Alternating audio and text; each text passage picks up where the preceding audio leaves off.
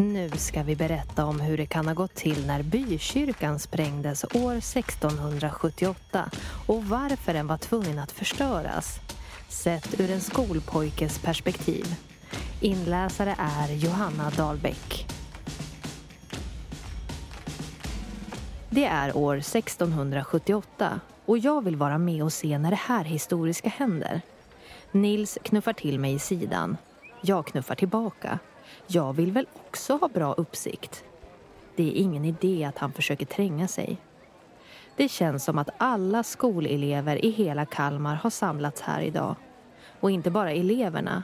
Alla möjliga Kalmarbor trängs för att få bra uppsikt över det som finns kvar av bykyrkan. Nu händer det något där framme. Soldaterna vinkar åt oss att vi ska backa lite. Snart kommer det smälla till. Platsen ser redan konstig ut. Där kyrkan förr så mäktigt tornade upp sig finns nu bara mer och mer av ingenting. Jag minns hur det var att gå in i den.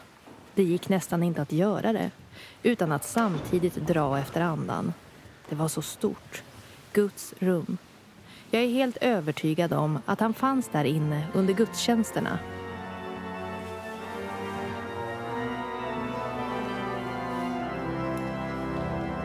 Under den sista gudstjänsten satt vi alla i familjen tätt tillsammans. Det var så mycket folk. Då, under sista gudstjänsten, avkristnades kyrkan också. Det var redan bestämt sedan länge att vi skulle få en ny kyrka i det nya Kalmar, på Kvarnholmen. Och därför ska den här rivas. Så att inte den där förbannade dansken ska kunna ta över den om de kommer. Vem vet vad de skulle få för sig att göra i ett heligt rum? Och kanske ännu värre, tänk om de klättrar upp på taket och skjuter mot slottet. För de vill ju förstöra, det vet jag. Men vi är smartare. Fast den nya kyrkan är inte klar ännu. Så jag undrar var Gud håller hus nu och vad han egentligen tycker om att vi har plockat ner hans hus sten för sten och byggt murar för att försvara vår nya stad med. Jag tror att han tycker att det är bra. Att vi kan försvara oss mot dansken alltså. Att vi blir tryggare innanför murarna. Och att han också får sitt nya hus där. Om det blir krig igen.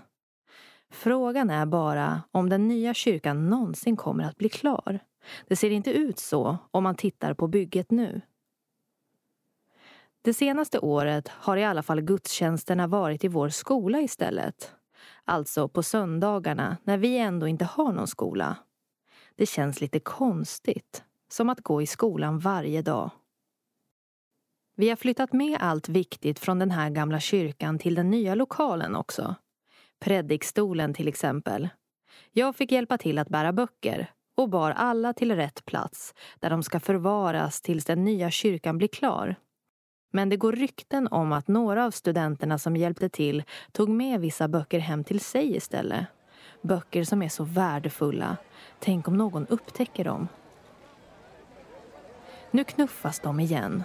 Åh, och pressar mig mot en av gravstenarna vi står vid. Det är också lite äckligt här på kyrkogården med så många döda människor som ligger i jorden under oss. Sedan säkert 500 år. Det har varit kyrkogård här jättelänge. Vänta, vänta, nu händer något där. Soldaterna backar bort från det som finns kvar av stenkyrkan. Någon tänder en stubintråd, ser det ut som. Tystnaden lägger sig över alla som trängs för att kunna se något. Jag för händerna till öronen, precis som alla runt mig. Hörde ni smällen? En av väggarna föll ner. Det ryker därifrån. Går knappt att se något. Hur mycket av kyrkan är borta? Någon säger att det är hela, men Nils påminner om att de ska spränga fler gånger till. Röken skingrar sig, människorna också.